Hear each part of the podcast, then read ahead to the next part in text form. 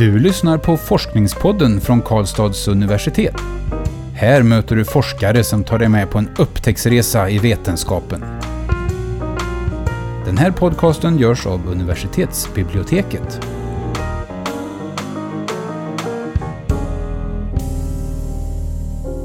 Hej och välkomna till dagens avsnitt av Forskningspodden. Idag ska vi prata om historieundervisning och högstadieelevers historiemedvetande. Och med oss i studion för att tala om detta har vi Hans Olofsson som är doktor just i historia, passande nog. Välkommen Hans. Tack. Din doktorsavhandling heter Historia på högstadiet, historiekulturella yttringar i och utanför ett klassrum i Sverige hösten 2009. Kan du berätta vad avhandlingen handlar om? Ja, den är ju en lång titel och det är en ganska tjock avhandling och det är en lång tid som jag har hållit på med den här eh, utforskningen. Så att det är ju inte alldeles lätt att sammanfatta. Men om jag skulle ge mig på det så skulle jag nog kunna ta stöd av omslaget som består av en bild på en dörr som man leder in till ett tänkt klassrum. Och på baksidan av avhandlingen så kan man se samma dörr men eh, med ett eh, vred för utgång så att säga. Så att mitt intresse är, är förbindelser mellan historieundervisningen och det omgivande samhället. Jag ser alltså historieundervisning som en, som jag kallar det då, historiekulturell yttring. Och är alltså väldigt intresserad av just förbindelserna av vad som händer i klassrummet men också utanför. Så det blev ett långt svar på den första frågan i alla Ja. fall. Det här med historiekulturell yttring, kan du säga mer? Vad, vad menar du med det? Ja, jag ser ju historieundervisningen som en del av hela samhällets behandling av det förflutna. Det tar sig uttryck på många olika sätt och på många olika arenor. Det handlar både om hur människor för över kunskap från det förflutna muntligt, traditionellt via samtal i familjer och i släkt och vänner. Men det handlar också om förmedling av historia via massmedia eller också historieundervisning. Det finns också eh, mängder av exempel på hur historia används i politiska debatter och andra sammanhang. Så historia möter vi ju på väldigt många olika platser. Så just det här mötet mellan vad som händer i klassrummet när det gäller historieundervisning och andra historiekulturella yttringar är inte så utforskat faktiskt, även om mycket annat är känt. Mm. Vad, kan man säga någonting om eh, historieundervisningens eh, status? Jag förstår att det inte är det du undersökt, men just när du pratar om relationen med samhället och så, har kan, historieämnet fått mindre betydelse i relation till allt annat som unga människor möts av idag i form av sociala medier och YouTube. Eh, de kan få historia på många olika sätt, tänker jag. Ja, det där är en svår fråga och jag berör den i min undersökning som ju huvudsakligen, empirin är ju huvudsakligen en undersökning av vad som sker i klassrummet. Den innefattar då eh, dels en närstudie av vad man gör på lektionerna. Jag följer det väldigt noga men det är eh, en fallstudie av en årskurs 9-klass som jag följer under 16 lektioner. Men jag intervjuar också eleverna. Så att genom de intervjuer jag gör med eleverna så får jag en bild av hur de ser på eh, relationen mellan historiekultur i allmänhet och eh, historieundervisningen. Då kan man väl säga att just det här fallet blev det ju, var det betydelsefullt för eleverna. Eh, därför att det fanns en sån förbindelse, en stark förbindelse. Det har att göra med att det är 1900-talshistoria de undervisades i. Och det handlar om första världskriget och mellankrigstiden. Och, och det innebar ju att de, de hade många förbindelser, de kände många, eh, de, de, de, de, de eh, fann många intresseväckande områden som, som låg nära deras egen historiekulturella konsumtion. Och så så på det viset var det ju viktigt för dem med, med historieundervisningen. Det blev en viktig pusselbit i deras historiska eh, lärande också. De var mycket positivt inställda till det de skulle göra i skolan också. Okej. Varför skulle du säga är det viktigt att studera det här? Ja, alltså det finns ju många olika eh, nivåer på svar på, på en sån fråga då. Men alltså eh, en, en, eh, en, eh, en ingång i det här det var ett teoretiskt begrepp som har varit styrande för historieundervisning i Sverige sedan 1994 där man har talat om att elevernas, att, att historieundervisningen ska på något sätt bidra till eh, elevernas eh, historiemedvetandeutveckling men eh, vad det innebär i praktiken har varit om, omdiskuterat och ganska svårt att fånga. Så det har varit en, en av de, de, de, de ingångar jag hade till att studera det här området. Att jag ville försöka ta reda på teoretiskt vad en eh, historiemedvetande utvecklande mm. undervisning skulle kunna innebära. Men också att försöka koppla det till andra frågor som rör just eh, relevansen för historia i stort i vårt samhälle. Okay. Du berättade ju att du, att du har varit nära, du har varit inne i klassrummen och du har gjort observationer och intervjuer med eleverna och så. Kan du berätta lite mer om det? Vad, vad fann du när, du när du kom ut till skolorna? Ja, eh, en, något som verkligen, ja skolorna, det är en skola, så det är en enda skolklass som jag mm. har, har byggt den här, den här eh, undersökningen på.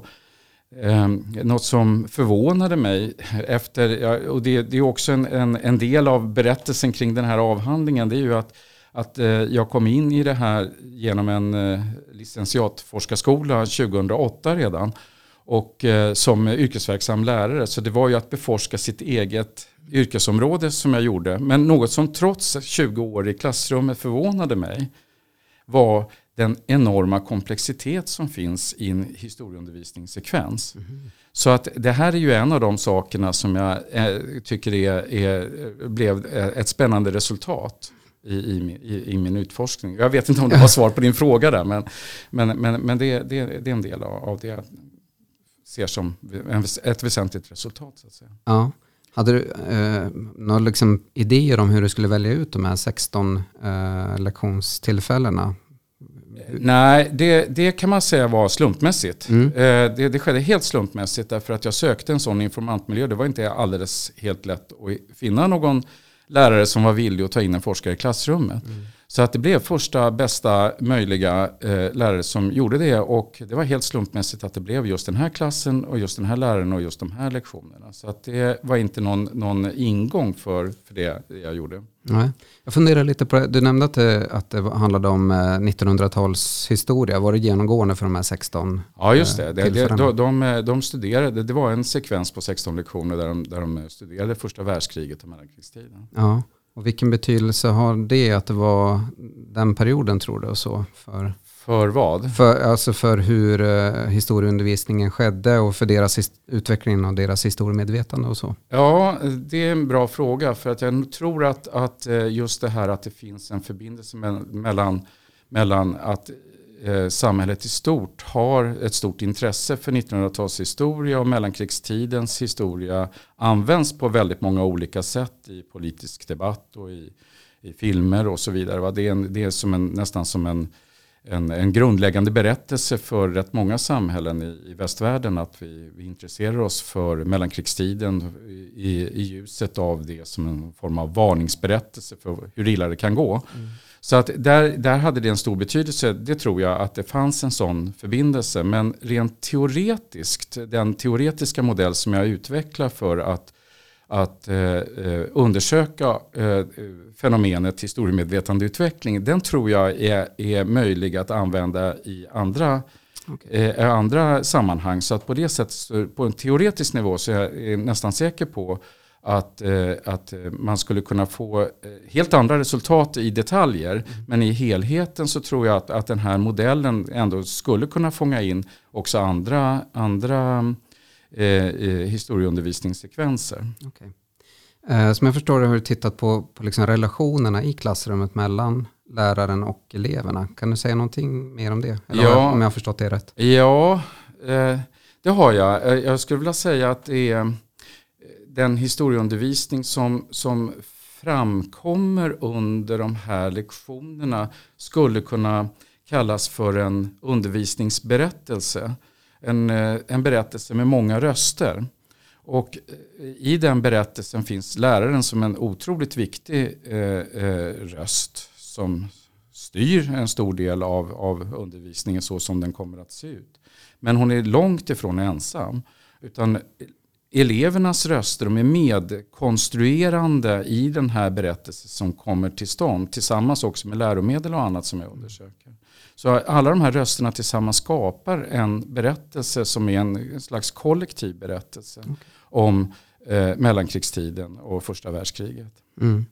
hur viktig är liksom elevernas delaktighet i Mycket detta? viktigt skulle jag vilja säga. Det, den, den är helt central. För det är ju, och på ett sätt kan man ju säga att det är självklart eftersom det är så att säga, en skolsituation där, där elevernas eh, användande av det man, det man har det man eh, kommer i kontakt med på lektioner alltid på något sätt ska rent normativt eh, vara liksom det som, som är det viktiga. Men i det här fallet kunde jag också genom att så nära följa undervisningen se hur de påverkade undervisningsförloppen både på lektioner och vilka frågor som kom att ställas, hur det tolkades, under, undervisningens innehåll tolkades och hur de själva drog slutsatser ur det materialet. Så att ut, alltså det hade inte varit, det, och det kanske gäller all undervisning på sätt och vis, det hade klart inte varit någonting om inte eleverna hade, hade bidragit med något. Men jag kunde se att deras medverkan i den här undervisningsberättelsen var helt central för,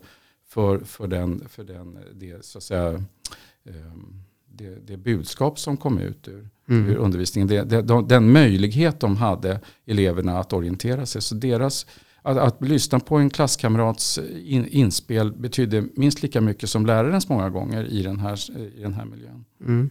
Då förstår jag att det här är lite av den här komplexiteten du pratade om ja, förut, ja, att det är många ja, röster. Ja, eh, Men går det att säga något, om, om du jämför den tid när du själv var, var lärare så att säga jämfört med dig som när du är ute och, och forskar. Eh, vad har skett? Har du, är det någon Eh, förändrad inställning till historieundervisning eh, hos lärarna nu jämfört med när, när, du själv var ute? Eller vad, vad är de ja. stora skillnaderna i, i, klassrummet?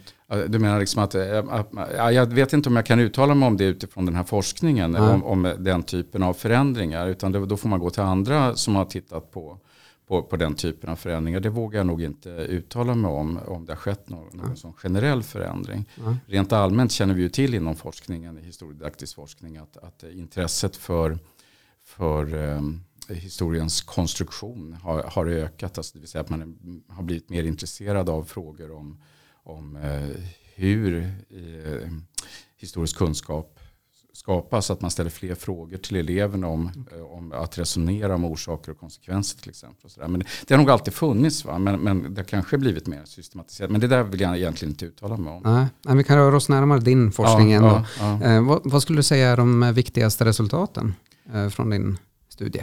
Ja, då, då, då kan man väl säga att det, det, det handlar om eh, tre, eh, jag har tre ingångar i den här. Jag ringa, försökte ringa in tre problemområden, tre, tre, tre delar av en problembild som jag ville beforska. Och den, den första eh, kan man kalla för en, en, en, teoretisk nivå, den andra en empirisk och, och den tredje en historisk. Det här kan bli väldigt långt så att jag vet inte vad jag ska, hur, jag ska hur jag ska korta ner det här. Men då kan man väl säga att, att resultaten på, på alla de här tre nivåerna eh, eh går, går eh, att, att Eh, Eh, att utveckla. Va? Så att, eh, jag vet inte hur, hur länge vi ska eh, samtala kring detta. Men, men jag tror att på den teoretiska nivån, om jag ska försöka sammanfatta det viktigaste resultatet där, är att jag tror att jag har kunnat identifiera och, och, testa en teoretisk modell kring eh, vad en historiemedvetande utvecklande undervisning kan innefatta. Och då har jag hittat fem vad jag kallar för aktiviteter som, som, som kan styra en sådan. Och empiriskt har jag då undersökt vad de här fem aktiviteterna innebär i de pågående lärprocesserna. Och historiskt har jag nu också i det här fallet kunnat se hur nära eleverna anknöt till dominerande mönster i samtidens historiekulturella debatt. Så att det, det, är de här tre nivåerna skulle jag snarare vilja säga, alltså en, en enskilda forskningsresultat. För att det finns ganska många sådana som jag hoppas att, att, att läsare kan gå in och titta på i detalj. Mm. Men det, det, är svårt att sammanfatta dem. Ja, går det att nämna de här fem aktiviteterna? Ja, det gör det. Och de kan nog ringa in relativt snabbt. Och då mm. kan man säga att, att, att det handlar om att ställa primära historiska frågor är den första. Eh, jag rabblar dem först mm. och så kan vi gå tillbaka till dem. Det andra är att erfara det förflutna som om det vore någonting som är angeläget. Det tredje är att tolka det förflutna. Det fjärde så att det blir begripligt. Och det, det, fjärde är att framställa det, det som jag pratade om lite tidigare, det som man kan kalla för en undervisningsberättelse. Då. Och det femte är att orientera sig, att använda den här för att orientera sig mot framtiden. Mm. Och alla de här fem aktiviteterna har sina problem och sina möjligheter som är möjliga att iaktta när man så nära studerar en undervisningssekvens. Okay. Men det finns alltså, en, jag tänker på den här femte aktiviteten, den ja. här framåtriktningen. Ja, ja. Eh, är det en viktig del för att uh, skapa hela den här berättelsen och få uh, eleverna att ja, känna för det här? Som, som ja, ja, ja, det mm. tror jag. Va? Och, och, det, och då, då, kan man väl säga att den första aktiviteten, att ställa det jag kallar för primära historiska frågor, det är just sådana som har, gör, eh, gör det förflutna till eh, någonting som är angeläget i nuet. Mm. Och eh, då skapas också i, i indirekt en, en, en, en, tror jag, Eh, hos elever en förväntan på att man kan få ett svar kring eh, hur, hur, vad, vad, vad, har det här med oss som lever nu att göra och då innebär det också att man kan använda den. Att det öppnar för i alla fall. Jag kan inte säga att det gör det men att det mm. öppnar för att man, att, man, eh, att man kan använda den berättelsen för att orientera sig också mot framtiden. Mm. Eh det får man fundera lite grann över. Nu kanske vi lämnar din avhandling igen lite grann här. Men, men liksom historieämnets relation till andra ämnen då. Man mm. förstår ju komplexiteten. Och, men när du pratar om det här eh, tidslinjen på något sätt att det, det, dåtiden och framtiden förbinds i nuet. Ja. Eh, så kan man ju se att det kan finnas beröringspunkter med kanske andra samhällsvetenskapliga ämnen och sådär också. Eh, är det någonting som eh, görs i, i skolan eller som du märkte att man samarbetade mellan ämnena kring för att få en ännu större berättelse? Ja, i, i det här fallet så, så kan man väl säga att läraren ganska tydligt eh, indikerade att, att hon, eh, hon undervisade ju också i samhällskunskap och att, okay. att hon eh, att hon samarbetade med sig själv så att säga. Va? Och att, att det fanns nära förbindelser där mellan samhällskunskapen och, och historia. Men jag tror ju att det som du är inne på här om, om förbindelser mellan mellan eh, eh, eh, det förflutna, nuet och framtiden. Det är ju en, den enklaste definitionen då av ett historiemedvetande. Att vi liksom förbinder vår, vår närvaro i nuet med, med det förflutna och tankar om hur det ska bli. Mm. Och det är ju någonting som utvecklas inte bara i historieämnet utan egentligen i en lång rad ämnen. Eh, även när man läser en, en skönlitterär eh, bok i, kanske i svenskämnet, om vi nu bara pratar om, om skolan, mm. så, så, så, så sker någonting eh, kring eh, vårt historiemedvetande. Det är jag ganska säker på. Men nu, nu, är det ju så att historieämnet har det som en huvuduppgift då, mm. i, i styrdokumenten. Att utveckla elevernas historiemedvetande. Så därför är det ju en särskilt viktig aspekt av historieundervisningen. Även om den inte liksom är i hela historieundervisningen så är det en väldigt viktig aspekt av den. Mm. Så vem hoppas du kommer att läsa din avhandling? Ja, nu är det så här att jag har ju, jag har ju så att säga rapporterat samma forskning två gånger eftersom jag först gjorde en licentiatavhandling. Och den har ju funnits sedan 2011 och jag vet att den används på eh, lärarutbildningar och har laddats ner väldigt många gånger. Eh, så att jag hoppas ju att även den här ska kunna, eh, det är en fördjupad studie av samma sak. Den är lite mer teoretiskt inriktad och lite bredare när det gäller kontextualiseringen och eh, när det gäller eh, förhållandet till historiekulturen i stort. Så att eh, jag hoppas ju att, att det är en läsarkategori. Men sen är det väl så att, att med en avhandling att den också vänder sig internt till forskning. Jag hoppas ju att andra forskare ska läsa den här, bygga vidare på de teoretiska och empiriska resultaten såklart. Mm. Eh, så det, det, det, det, finns det ju, det, är ju två eh, kanske huvudsakliga läsarkategorier. Även om jag tror att rätt många andra som håller på med historisk förmedling skulle kunna ha glädje av både det teoretiska och det empiriska resultaten. Till exempel så, så tror jag att eh, eh, människor som sysslar med utställningsverksamhet på museer skulle ha glädje av att ta, ta del av de här eh, elevernas reflektioner kring mötet med det förflutna som sker i ett klassrum. För jag tror att väldigt mycket av det är, är, är, eh, har likheter med eh, andra möten med eh, historia på andra arenor. Så det, eh, det, finns nog rätt många som skulle kunna ha glädje av detta. Ja. Eh, avslutningsvis, det börjar bli dags för oss att avrunda redan, men eh, för att knyta ihop kanske din historia och nutid eh, med din framtid då. Vad ser du för spännande forskningsfrågor ur detta? Eller ja, eh, en, en, en, en väldigt spännande forskningsfråga som, eh, som jag har tangerat i, i avhandlingen det rör hur, hur en nationell historiekultur uppstår. Och där jag kunde i avhandlingen identifiera olika typer av, av eh, Sverigeberättelser som fanns både i klassrummet men också utanför hösten 2009. Det är därför den har den där långa eh, undertiteln som handlar om just tidpunkten eh, hösten 2009. Och i det materialet så kan man finna rätt så intressanta saker att gå vidare med. Jag har gjort en del sådana Eh, eh Eh, försök eh, tidigare tillsammans med några kollegor här på Karlstads universitet och eh, undersökt hur, hur, hur människor berättar om Sveriges historia spontant. Och det skulle kunna vara någonting att gå vidare med. Att kanske undersöka hur olika yrkeskategorier spontant berättar om Sveriges historia och sätta det också i relation både till historieundervisning så som den ser ut i skolorna eller som vi tror att den ser ut i skolorna och eh, hur historiekulturen i stort ser ut i Sverige. Det låter oerhört spännande. Jag hoppas vi får höra mer om det så snart som möjligt tänkte jag säga. Eh, tycker du att det är någonting som vi borde ha sagt eller pratat om som, som vi inte har berört än så länge? Ja, det, det är ju som jag... Det är en rik avhandling. Som ja, sagt. Alltså, ja, och kanske lite... Eh, eh, och det är kanske ett grundläggande problem när man ska försöka sammanfatta det kort. Mm. Jag fick när jag började mina studier rådet att jag skulle kunna sammanfatta allt jag gjort på, om man äh, åkte hiss med någon på två hissplan. Och det kan vi säga, det har jag väl aldrig riktigt lyckats med och inte nu heller. Så att, att, eh, ja, det finns mycket jag skulle vilja fortsätta prata om men, men eh, det, det samtalet får väl, får väl får väl ske med en tänkt läsare då. Ja, vi får uppmana alla att läsa din avhandling. Eh, det har varit väldigt spännande och eh, roligt att prata med dig eh, Hans om din forskning. Varmt tack för att du har gästat Forskningspodden idag. Och lycka till med ditt fortsatta arbete också. Mm. Vi vill också tacka till dig, rikta ett stort tack till dig som har lyssnat. Vill du läsa Hans Olofssons doktorsavhandling i historia så finns den att hämta från vår publikationsdatabas DIVA. Du har lyssnat på Forskningspodden från Karlstads universitet. Den här podcasten görs av universitetsbiblioteket. Alla avsnitt hittar du på kau.se forskningspodden.